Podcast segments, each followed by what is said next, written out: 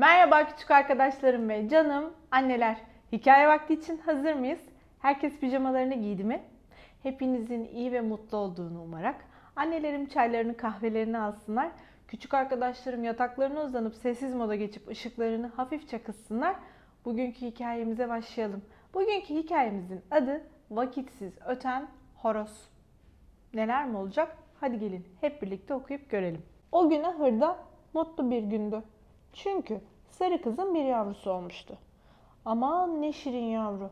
Altın sarısı renginde. Her yanı beyaz benekli, gözleri kara kara. Tüm hayvanlar ahırın önünde toplanmışlardı. At, köpek ve kedi ahırın içine kadar girmişlerdi.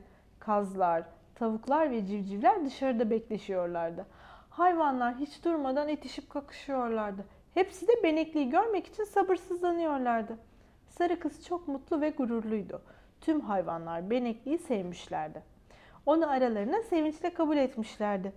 Benekli çevresinde gördüğü ilgiden çok memnundu. Arkadaşlarının kendisini kolayca kabul etmesinden o da mutluydu. Benekli kısa sürede çiftliğe alışmıştı. Çiftliğin hanımı da Benekli'yi çok seviyordu. Onu kendi eliyle besliyordu. Benekli'yi sevmeyen tek hayvan ise çil horozdu. Çil horoz Benekli'ye gösterilen ilgiden oldukça rahatsızdı. Göğsünü kabarta kabarta iyi ki benekleri var. Oysa benim her yerim çillerle kaplı. Ne görgüsüz şey bunlar diyordu. Benekli ise çil horozu çok seviyordu. Her zaman yanına gidip onunla konuşmak istiyordu. Ama çil horoz buna yanaşmıyordu. Çil horoz her defasında haydi git işine deyip uzaklaşıyordu. Sonunda çil horoz bu duruma bir çare düşünmeye başladı. Kendi kendine türlü planlar yaptı.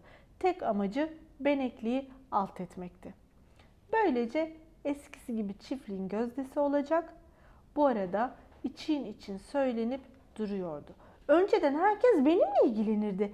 Evin hanımı en çok beni sever, eliyle beslerdi. Ama şimdi varsa benekli, yoksa benekli. Kimse başka bir şey söylemiyor.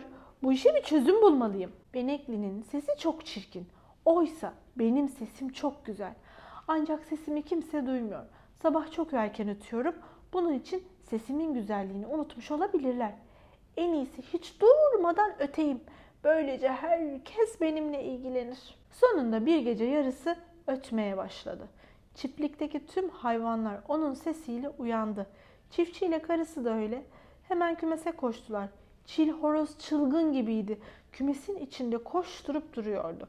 Bir yandan da gücü yettiğince ötüyordu. Hem de ne ötmek. Tüm çiftlik horozun sesiyle inliyordu. Hayvanların hepsi çil horozun başına toplanmıştı. Çil horoz bu durumdan çok hoşnuttu. Hızını alamayıp kümesten fırladı. Bahçedeki en yüksek taşın üstüne çıkıp ötmeye devam etti. Sabaha kadar kimse ona ilişmedi.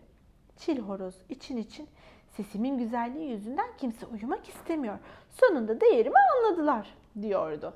Çiftçi horozu susturamayacağını anladığından sabahı zor beklemişti. Sabah ilk işi horozu pazara götürüp satmak oldu. Karısı da bu işe çok sevindi. Kibirli horoz kıskançlığının cezasını pazarda satılarak ödedi. Evet, bazen kıskançlık yapmak ya da her şeyin en iyisinin kendimizin olduğunu düşünmek çok da hoş bir hareket değilmiş. Bu horozun hareketinden bunu anladığımızı düşünüyorum. Çünkü bazen uyumlu olmak bir arada nasıl vakit geçirilip anlaşmamız gerektiğini bilmek gerekiyor. Bu evin içinde de anne babamızla, kardeşimizle ya da apartmandaki komşularımızla, okuldaki sınıf arkadaşlarımızla, parktaki oyun arkadaşlarımızla da geçerli. O yüzden her zaman birbirimize saygılı ve sevgili olmalıyız. Bugünlük de bu kadar demeden önce garip ama gerçek bilgilerin bir yenisi sırada. Evet. Zürafalarda insanlarla aynı sayıda boyun kemiği vardır. Bizim de boynumuzda 7 kemik bulunmaktaymış. Zürafaların da boynunda 7 kemik bulunmaktaymış. Fakat yine de onlar bizden uzun öyle değil mi? Ama bir ortak noktamız varmış. Boynumuzda hem zürafalarda hem de bizde 7 adet kemik bulunmaktaymış. Bugünlük de bu kadar. Yarın yine aynı saatte ben sizler için yeni bir hikaye okumuş olacağım. Hoşçakalın.